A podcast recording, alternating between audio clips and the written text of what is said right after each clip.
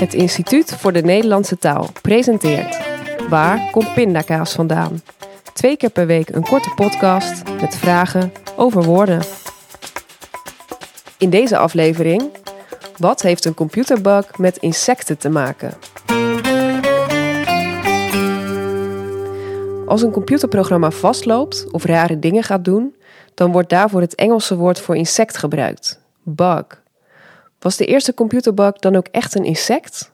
Dat is namelijk wel een populaire verklaring. Het zou een mot geweest zijn. Het verhaal wil dat dat gebeurde op 9 september 1947, toen de Amerikaanse Mark II-computer te maken kreeg met een binnengedrongen insect. Het beest werd verwijderd met een pincet en in het logboek geplakt, met de opmerking erbij: First actual case of bug. Met andere woorden, de eerste computerbug die echt door een bug werd veroorzaakt. De opmerking in het logboek geeft aan dat de schrijver ervan de term al gekend moet hebben.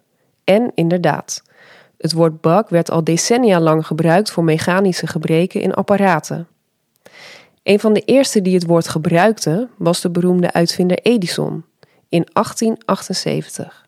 Maar ook hij had het woord niet verzonnen. Waar het dan wel vandaan komt, dat weten we niet helemaal zeker. Het zou kunnen dat het uit de telegrafie komt. Het schijnt dat de term onder telegrafisten gebruikt werd voor kleine storingen in het signaal. Aangezien Edison zich ook bezighield met telegrafie, is het inderdaad goed mogelijk dat hij de term bug daarvan kende. Het is dus niet helemaal duidelijk. Wat we wel weten, de computerbug uit 1947 kwam echt door een mot. Maar het woord bug bestond al veel langer voor technische problemen. Bedankt voor het luisteren. Mijn naam is Laura van Eerten. Waar komt pindakaas vandaan is een podcast van het Instituut voor de Nederlandse Taal. Gemaakt door Casper Stalenhoef en mijzelf. De muziek is van Michel van der Zanden.